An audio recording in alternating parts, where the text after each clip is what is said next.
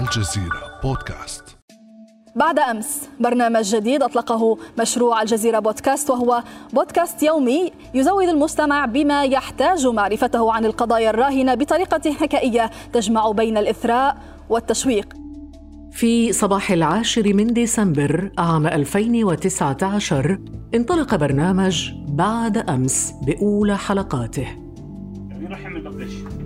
مين يعمل ببلش؟ يلا يلا ريدي؟ ريدي يلا بس استنى بدي افتح بعد امس هون ريدي 1 2 3 خلاص We are published. ايرور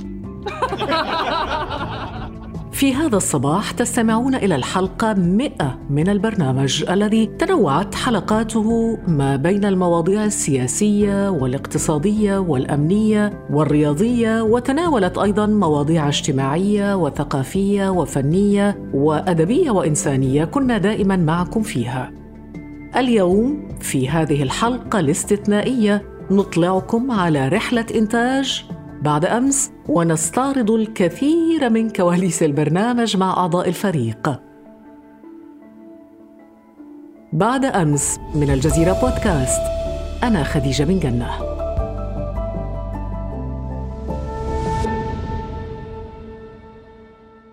تساءل كثير من المستمعين عن اسم البرنامج لماذا بعد أمس المشرف على تنفيذ المشروع في بداياته أصيل منصور يجيب على هذا السؤال. فكرة بعد أمس تناسب روح البودكاست لأنه هو بودكاست ليس بودكاست إخباري بمعنى ينقل الخبر حال وقوعه بل هو بودكاست يعالج تداعيات القضايا الراهنة فهو ليس معالجة لما حدث اليوم ولكنه أكثر معالجة لما حدث الأمس بمفهوم الأعم يعني قد يكون الأمس قد يكون ما قبل أمس فهو آه، ما بعد ما حدث أمس. وبالإضافة إلى أنه اسم جديد ويعني موسيقاه آه، وجدت صداها آه، في أذاننا كلنا ومن هنا جاء اسم آه، بعد أمس ولما قمنا بطرحه على الإدارة أعجبوا فيه وتم اعتماده رسمياً نظرة الإدارة لأهمية البودكاست ساعدت في ريادة الجزيرة في مجال البودكاست اليومي في العالم العربي. وهنا يتحدث مدير عام الشبكة شبكة الجزيرة الدكتور مصطفى سواك. قبل أن يقدم مشروع بودكاست بودكاست بعد أمس للإقرار من طرف الإدارة العليا نوقش كفكرة مع مدير القطاع الرقمي الزميل الدكتور ياسر بشر الذي طرحه علي شخصيا. وهو يعرف مدى اهتمامي شخصيا بالمبادرات المبدعة للقطاع الرقمي ومدى اهتمامي شخصيا بالمحتوى المسموع. كان المشروع مقنعا جدا في إطار توسع الجزيرة في مجال المحتويات الرقمية. ولم يكن من الصعب الحصول على الموافقة من الإدارة العليا العامة للشبكة ومن رئيس مجلس الإدارة نفسه. وهكذا أطلق المشروع في أولى حلقاته يوم العاشر من ديسمبر الماضي 2019 وحظي في وقت وجيز جدا بسمعة كبيرة في أوساط كثيرة ممن يهتمون خاصة بالعمق والجودة والإبداع. وأثناء فترة التخطيط للبرنامج كان هناك تحد كبير يضع الفريق أمام مسؤولية كبيرة. لربما كانت أكبر العقبات اللي واجهناها هي حداثة مشروع البودكاست العربي في المنطقة هنا. يعني لم تكن هناك تجارب سابقة في مجال البودكاست اليومي في المنطقة العربية اللي نستطيع أن نكتسب منها خبرات نتعلم منها. لذلك كنا نلجأ في كثير من الأحيان لخبرات البودكاستات اليومية بلغات أخرى مثل الإنجليزية. فلربما كان هذا أحد أكبر التحديات وبنفس الوقت كان أحد أهم الدوافع بالنسبة أن نقوم بالعمل على أول بودكاست يومي باللغة العربية يعالج القضايا الراهنة. فهذا كان كان دافع بالنسبة لنا. ومنذ اللحظات الأولى وضع فريق التخطيط للبرنامج على الطاولة هدفا استراتيجيا. مسؤول التواصل والتفاعل في الجزيرة بودكاست محمود النجار يوضحه. قبل إطلاق البرنامج أثناء وضع الاستراتيجيات والأهداف كان لدينا تحدي كبير بتحويل الممارسة اليومية للمستمع. بأن يستمع بودكاست يومي بدلا من أن يستمع برنامج صباحي آه، على الإذاعة أو موسيقى. في صباح التاسع من ديسمبر عام 2019 أي قبل يوم واحد من إطلاق الحلقة الأولى للبرنامج أقام طاقم العمل حفلا صغيرا. أعلن فيه لوسائل الإعلام عن انطلاق بعد أمس ودعا المستمعين إلى انتظار الحلقة الأولى صباح اليوم التالي. لكن أمرا حدث لم يكن في الحسبان. كنا بصراحة مجهزين الحلقة اللي سوف تطلق في هذاك اليوم. لكن قبل إطلاق الحلقة بيوم صار في تطورات لها علاقة بالقمة الخليجية التي عقدت في ذلك الوقت وصار في اهتمام كثير عالي سواء من من الجمهور بشكل عام أو من وسائل الإعلام. فقررنا في آخر لحظة أنه لربما من الأفضل أن ننطلق بحلقة تحاكي حدث راهن لتلائم طبيعة البودكاست أكثر. أتذكر ذلك اليوم جيدا. قمت بعد الحفل بالذهاب إلى الاستوديو. ذهبت مباشرة إلى كتارا لتسجيل تلك الحلقة والتي بثت بعنوان المصارحة الخليجية. كان معي آه، منتج آه، تلك الحلقة هيثم عصفور. كان أحد المنتجين ضمن فريق العمل. في ذلك اليوم لنستمع إليه. يحدثنا عن ذلك اليوم. أذكر في ذلك اليوم كنا أمام تحديين. التحدي الأول أننا نعمل على الحلقة الأولى من بعد أمس والتحدي الثاني هو عامل الوقت. خاصة أن هناك تطورات جعلت من القمة الخليجية أولوية لتكون الحلقة الأولى. قمنا بكتابة الحلقة من الصفر وعملنا على آه، تصميم الحلقة ومونتاجها وبقي طاقم العمل في ذلك اليوم يعمل حتى الساعة الخامسة فجرا. قمنا بنشر الحلقة وذهبنا إلى النوم بعدها. ربما تنجذبون إلى المقدمات في حلقات بعد أمس وبالطريقة الروائية والتشويقية المتبعة في إنتاجها وفي كتابتها أيضا. لنتعرف أكثر على التحديات التي تواجه المنتجين أثناء كتابة نصوص الحلقات مع المنتج محمد عبد الله الحبيب. بالنسبة لي كتابة المقدمات التشويقية نواجه فيها مجموعة من التحديات. أعتقد أن التحدي الأول فيها هو اختيار المشهد المناسب لأن يكون مدخلا للحلقة أو للمحور الذي نريد أن نتحدث فيه. الثاني هو أن نجمع بين وصف المشهد بطريقة تشويقية تجعل المستمع يعيشه معنا ويتخيله وينتقل إلى أجواء القصة. وفي نفس الوقت عدم الإغراق في وصف التفاصيل الدقيقة التي لا تضيف معلومات جديدة إلى إلى المستمع إلى إلى معلومات المستمع أو لا تضيف معلومات جديدة إلى القصة. وهذا يجعلنا أمام تحدي لغوي كبير جدا وهو أنه يجب أن نكون دقيقين جدا في اختيار المفردات التي تعبر عن المشاهد والتي ترسم ملامح الشخصيات واللقطات حتى تنقل المستمع إلى الجو الذي نعيشه والذي نريده أن يعيشه معنا في بعد أمس. لكن الوقوع في التكرار هو أحد أهم التحديات التي تواجه المنتجين أثناء عملهم. زميلتنا المنتجة دعاء الشيخ تتحدث عن كيفية تجنب ذلك. ما يميز برنامج بعد أمس أنه يبدأ بقصة تشوق المستمع وتحفز خياله. ومع ذلك آه، فإن الإتيان بأفكار جديدة في كل حلقة ليس بالسهولة التي تبدو عليها الأمور. وفي سبيل الابتعاد عن التكرار سلكنا عدة طرق. ومن هذه الطرق مثلا إشراك الجمهور المستمع في الحلقات استطلاع الرأي في كل مرة آه، بهدف التحسين والتطوير. وفي بعض الحلقات قمنا نحن بتسجيل البدايات التشويقية من الميدان. في عندكم ماسكات للوجه؟ كمامات؟ آه، كمامات لا خلصت أنا الآن راح أنزل أشوف آه، يمكن عشر صيدلية اليوم ننزلها. في كمامات N95 عنصر التشويق وحده دون معلومة ترافقه يفقد مع الوقت بريقه لذلك لابد من أدوات مساندة خلال الحلقة تحدثنا عنها الآن الزميلة هبة أحمد. بما إن المحتوى الصوتي من أكثر المحتويات الصعوبة في متابعتها والتركيز معاها فدايما كنوع من عنصر التشويق وفي نفس الوقت التسهيل والتوضيح لازم نستعين ما بين كل دقيقة والتانية. يعني يمكن لو نقدر كل دقيقة فعلا نستخدم ساوند بايت لتنويع الأصوات والكسر الملل وفي نفس الوقت لجذب انتباه المستمع. وعن حجم المعلومات المضافة في النصوص المكتوبة تضيف المنتجة عائشة بالحاج.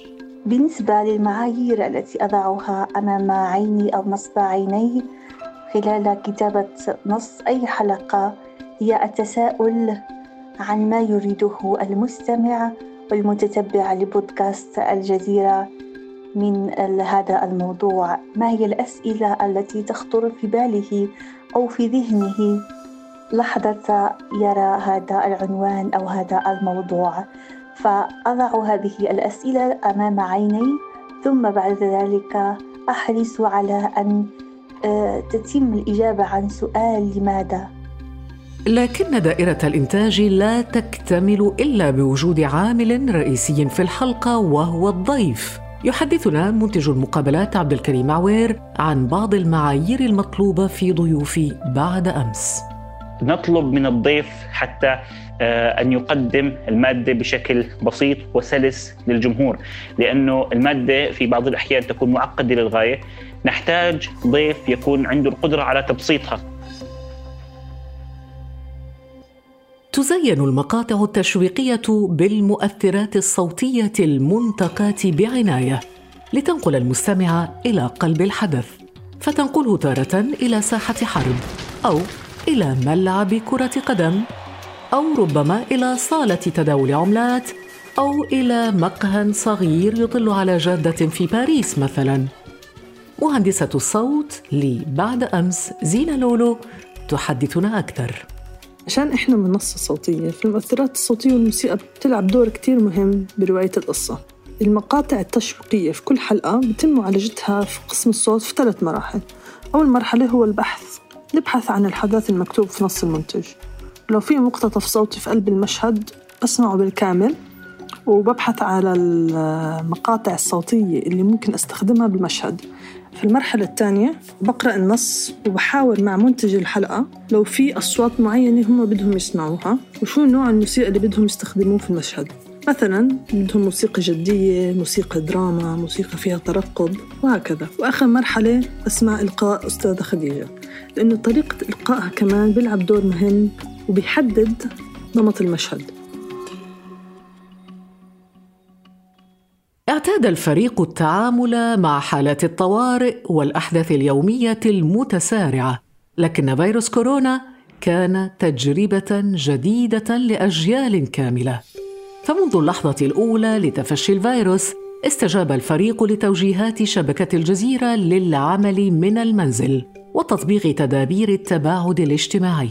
وهكذا تحولت غرفة صغيرة في منزلي من حيث أحدثكم الآن إلى ما يشبه يعني استوديو صغير أحضر طاقم البودكاست أجهزة التسجيل هنا. وأمامي الآن ميكروفون طابعة كمبيوتر يعني أنا محاطة بكل المعدات ومن هنا أيضا أحاور ضيوف البرنامج عبر تقنية آي بي دي تي إل. طبعا كل ذلك خلق لا شك تحديات جديدة لم نعهدها من قبل أضيفت لبيئة العمل. تحدثنا عن هذه التحديات المنتجة في برنامج بعد أمس كوثر أبو سعدة. قبل أزمة كورونا كنا نسجل حلقاتنا في الاستوديو المخصص لنا. كانت بيئة العمل تختلف تماما. استوديو مجهز بالكامل يساعد على التركيز أكثر حتى بخصوص المداخلات آه، بيننا نحن المنتجين والأستاذة خديجة كانت آه، أسلس وأسهل. ولكن مع تفشي كورونا آه، أصبحنا نسجل الآن من منزل الأستاذة خديجة.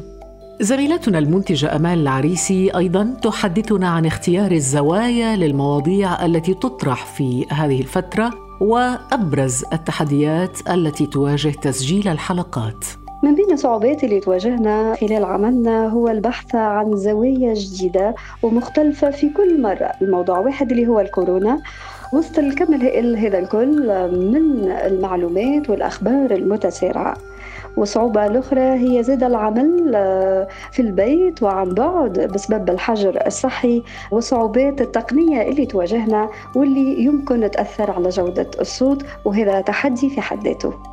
طبعا هذه التحديات لا تؤثر فقط على جودة الصوت تؤثر أيضا على عملية التخطيط. فقد ألقى فيروس كورونا بظلاله أيضا على عملية التخطيط داخل الفريق الذي أصبح يجتمع بشكل يومي عبر شبكة الإنترنت ويحدد أبرز الملفات والمواضيع التي سيسلط الضوء عليها في ظل هذه الجائحة. زميلنا في قسم التخطيط محمد البوعيني يحدثنا. التخطيط قبل كورونا كان يعتمد بشكل رئيسي على الأحداث العالمية ولا سيما متابعة مستجدات وتطورات القضايا العربية والدولية. أما بعد كورونا وتأجيل معظم الأحداث العالمية أصبحت عملية التخطيط تركز على البحث عن أفكار وزوايا مختلفة في تغطيتنا لملف كورونا. الآن وبعد مرور مئة يوم من عمر البرنامج مئة حلقة. على برنامج بعد أمس يبدي المدير العام للشبكة الدكتور مصطفى سواق رأيه في البرنامج. إن محتوى بودكاست الجزيرة يتميز بعمقه وبجودته العالية من حيث المعالجة المعالجة الموسعة للموضوع والتركيز على ما يهم المستمعين وتوفره للجمهور متى ما أراده من دون أي وقت مفروض عليه. علي هنا أن أنوه ليس فقط بجودة النصوص المعدة والنقاش الجاد والشيق مع الضيوف ولكن أيضا بمستوى أداء الزميلة المذيعة خديجة بن جنة لغة وصوتا وايقاعا وذكاء في صياغة الأسئلة ومتابعة الأجوبة. وهذه العناصر كلها وغيرها طبعا هي ما يمثل أسباب النجاح الكبير لهذا المحتوى الراقي الممتع والمفيد. البرنامج ممتع ومفيد بدعمكم دكتور مصطفى سواق وبدعم الزملاء وفريق البرنامج وبدعم المستمعين الأوفياء للبرنامج. جهزنا لكم هذه المرة ختمة غير تقليدية ستستمعون فيها إلى كواليس بعد أمس. فوراء الحلقات التي استمعتم إليها على مدار الفترة الماضية الكثير الكثير من الكواليس اخترنا لكم بعضها لنستمع معاً. لكن الوقوع في التكرار هو أحد أهم التت... أوه. تتتتتت نبدأ متى أردتم؟ يلا بسم الله. يلا جماعة. يلا بسم الله. يعطيك العافية. تفضلي.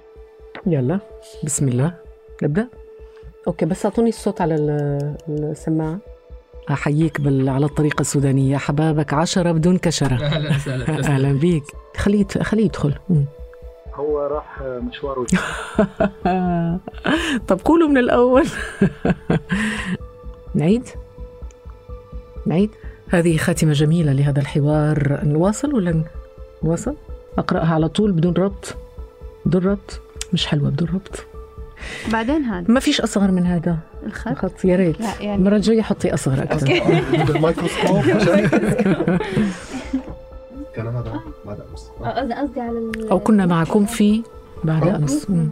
آه، إحنا بنقول اللقاء. كان هذا. آه okay. كان, هذا. بعد أمس. إلى اللقاء. آه إلى اللقاء. كان هذا بعد أمس. perfect شكرا.